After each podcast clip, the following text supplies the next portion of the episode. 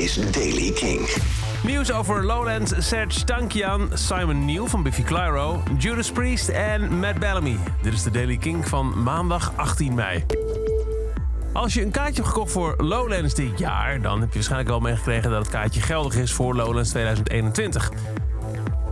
Je kunt ook kiezen voor een tegoed om bij een ander evenement in te wisselen. En je mag ook je geld terugvragen. Maar sinds gisteren weten we dat als je geld terugvraagt, dat je dat pas krijgt in september 2021. Een maand na het event zelf. Wat is gepland voor 20 tot en met 22 augustus 2021.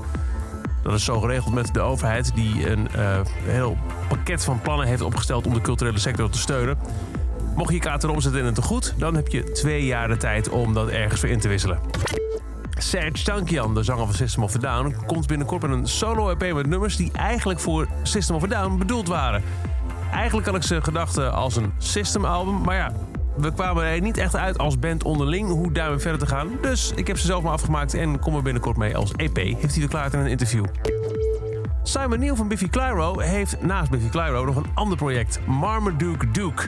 En in 2009 hadden zij een leuk radiohitje met uh, Rubber Lover. Dat was van hun tweede album, Duke Pandemonium. En nu heeft hij laten weten dat er ja, door alle extra tijd van uh, quarantaine een derde album aankomt. Er zijn al acht liedjes af, zegt hij. We willen er nog twee doen. Het gaat heten The Death of the Duke. Sommige nummers klinken een beetje als 90s Ministry en andere weer als Katy Perry. It's fucked up and all over the place. En ik kan niet wachten tot mensen het kunnen horen.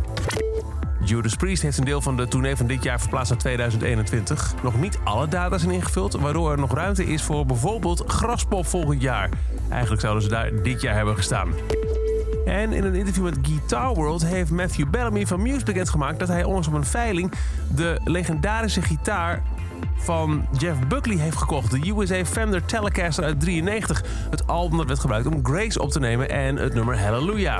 De bedoeling van Matthew is om met het volgende Muse-album de gitaar te laten horen. Met andere woorden, die wil die meenemen de studio in als dat album uitkomt.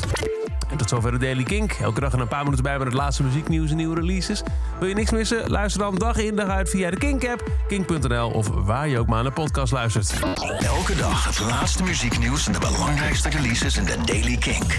Check hem op kink.nl of vraag om Daily Kink aan je smart speaker.